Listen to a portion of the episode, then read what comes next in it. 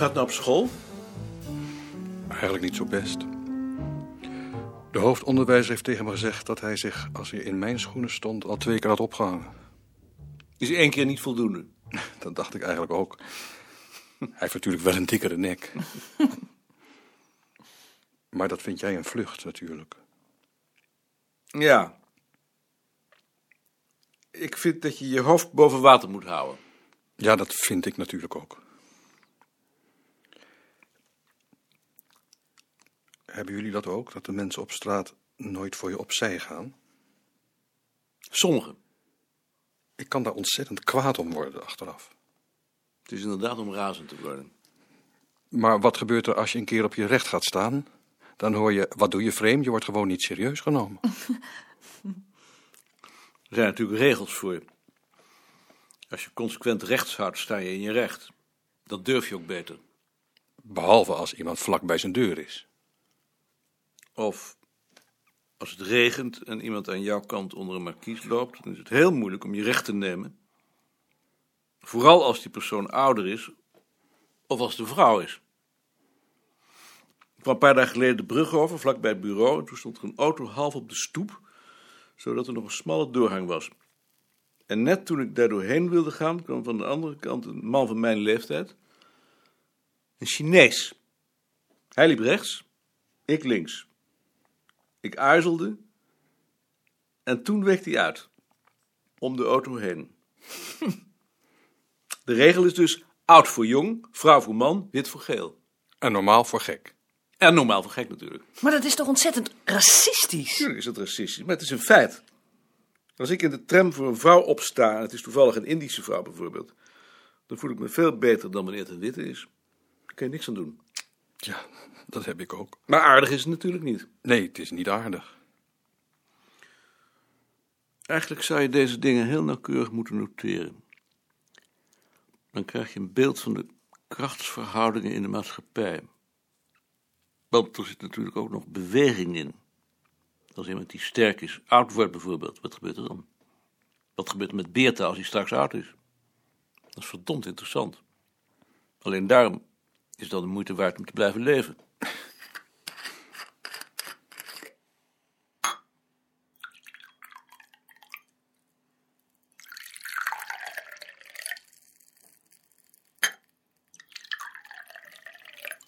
Zullen we die plaat van Frans niet draaien?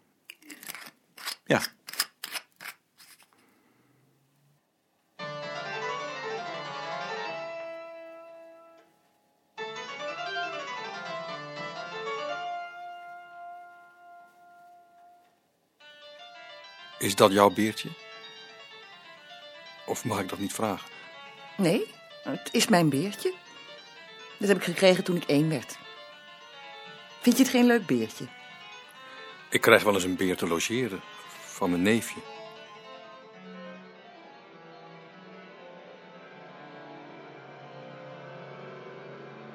Als ik s'avonds slapen ga, gaat Beertje met mij mee. En die kleine berenman slaapt het eerste van ons twee. Toen ik vanmorgen wakker werd, keek Beertje mij al aan. Wij zijn toen 1, 2 hoeplaké meteen vlug opgestaan. Is dat de fiets van je moeder? Nee, dat is mijn eigen fiets. Roland Holst rijdt ook op een damesfiets?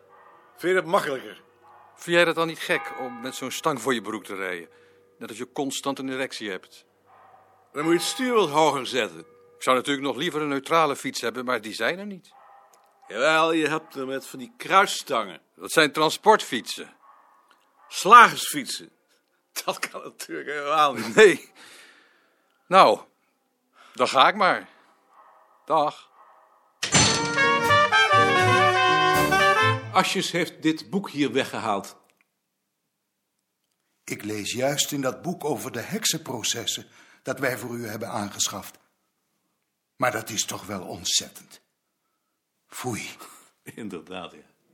Daarmee hebben we toch wel een verschrikkelijke schuld op ons geladen. En niet alleen oude, maar ook mooie jonge vrouwen. Omdat ze met de duivel zouden hebben gebouleerd. Ik vraag mij af, wat moeten wij ons daarbij voorstellen? Ik zou het niet weten. Asjes heeft dit boek hier weggehaald. Weet u ook waar dat stond? Mag ik dat boek misschien even zien? De Gruiter. Dag, meneer Svenke. Een handtekening. En waarom zou ik daarvoor naar u moeten komen? Dacht u soms dat ik het niet druk heb? Ik ben uw boodschappenjongen niet. Goed. Dag, meneer Swenker. Wat denkt zo'n man wel? Kijk nou toch, nou heeft meneer Asjes geen kartonnetje gezet. Terwijl ik het toch zo duidelijk verzocht heb. Had hij een kartonnetje moeten zetten? Daarvoor hangt hier toch dit kaartje. Hoe moet ik het anders kenbaar maken? Misschien kunt u een briefje rondzenden. Ik vrees dat dat dan wel zou moeten. Goed, dank u wel. Hebt u misschien nog een ogenblikje? U hebt toch Nederlands gestudeerd? Ja, Is dat een zware studie? nee. Ik heb MO. Denkt u dat meneer Beerta mij toestemming zou geven in diensttijd mijn doctoraal te behalen? Dat weet ik werkelijk niet. Dat zult u zelf moeten vragen. Maar u hebt daar toch wel invloed op? U zou toch misschien een goed woordje voor mij kunnen doen? Nee, dat heeft geen enkele zin. Dat spijt mij dan bijzonder. God bewaar me, wat een klootzak. Dag meneer Koning. Dag, meneer Swenker. Het wil nog maar geen lente worden. Maar ze komt zeker. Dag Bart. Dag meneer Koning. Gaat het? Het is niet altijd eenvoudig. Vooral niet om de plaats te bepalen waar sommige knipsels dienen te worden opgeborgen. Knipsels over zigeuners zou ik niet bewaren. Naar het handschrift te oordelen is dit toch door de heer Beerta uitgeknipt? Dat was omdat Hillebrink zich daarvoor interesseerde. Maar nu Hillebrink dood is, heeft het geen zin meer. Neemt u mij niet kwalijk, maar kunt u mij dat misschien uitleggen? Hillebrink zat in de commissie. Hij wilde dat we ook onderzoek deden naar de cultuur van de zigeuners. Bent u daar dan niet mee eens? Nee, we houden ons bezig met de Nederlandse cultuur. En als die zigeuners nu in Nederland wonen? Dan blijft het toch zigeunercultuur. En wat doen we dan met de cultuur van de Israëlieten? Ook niets. Ik vind dat nogal racistisch. Het spijt me dat ik dat moet zeggen. Racistisch? Het is onze opdracht. We moeten cultuurgrenzen vaststellen. Daar heeft de cultuur van zigeuners en joden geen invloed op. Daar ben ik zo zeker nog niet van. Dat zou ik toch eerst bewezen willen zien. En ik zou toch ook wel graag het oordeel van meneer Beerta kennen, omdat hij dat knipsel heeft uitgeknipt.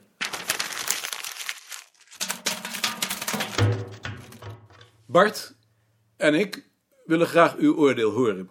Dag meneer Beerta. Dag Bart. Waarover willen jullie mijn oordeel horen? Vindt u dat we dit soort knipsels nog moeten bewaren? Nu Hillebrink dood is? Dat heb ik uitgeknipt. Ja, voor dat onderzoek dat Hillebrink u had opgedragen. Waarom zouden we dat moeten weggooien? Omdat het over zigeuners gaat? Je weet dat ik nooit iets weggooi. Je weet nooit waar het goed voor is. Maar dan kun je alles wel bewaren. Dat zou ik ook het liefst doen. Maar dat kan nu eenmaal niet, daar heb ik me bij neergelegd. Maar waarom dan wel de zigeuners? Zigeuners interesseren mij. En joden? De Joden interesseren mij nog veel meer. De Joden, het oude volk. Ik heb over hen ook een dik dossier aangetroffen. Zie je wel, wat ik over de Joden aantref, knip ik uit. En de Chinezen? De Chinezen interesseren mij minder, maar ik zou er geen bezwaar tegen hebben als jullie daarover knipten. En ik zou zeker geen knipsels weggooien. Was dat het probleem? Ja. Dan is dat dus opgelost.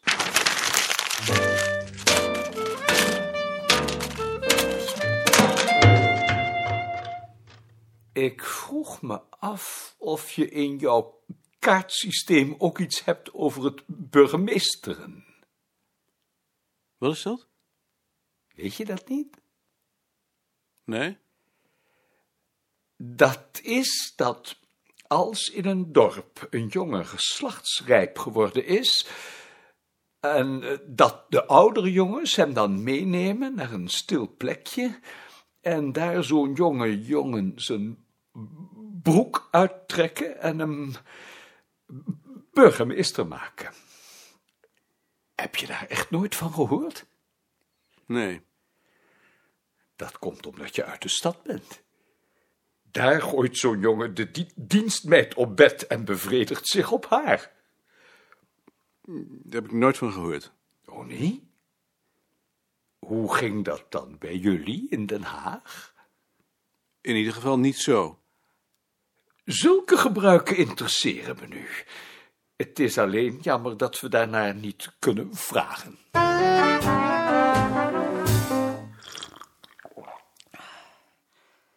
Achter is alweer zo ontiegelijk lang geleden. Ik kan me nauwelijks meer herinneren.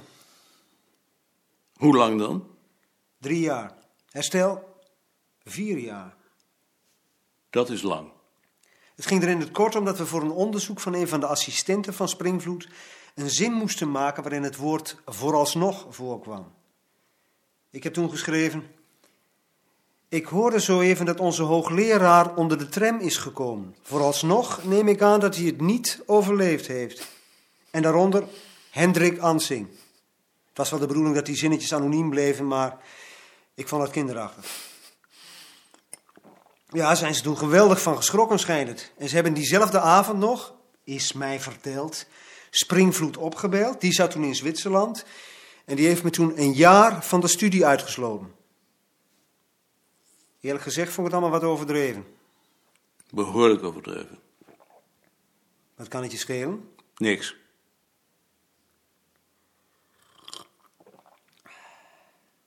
Hoe lang ben jij hier nu? Bijna drie jaar.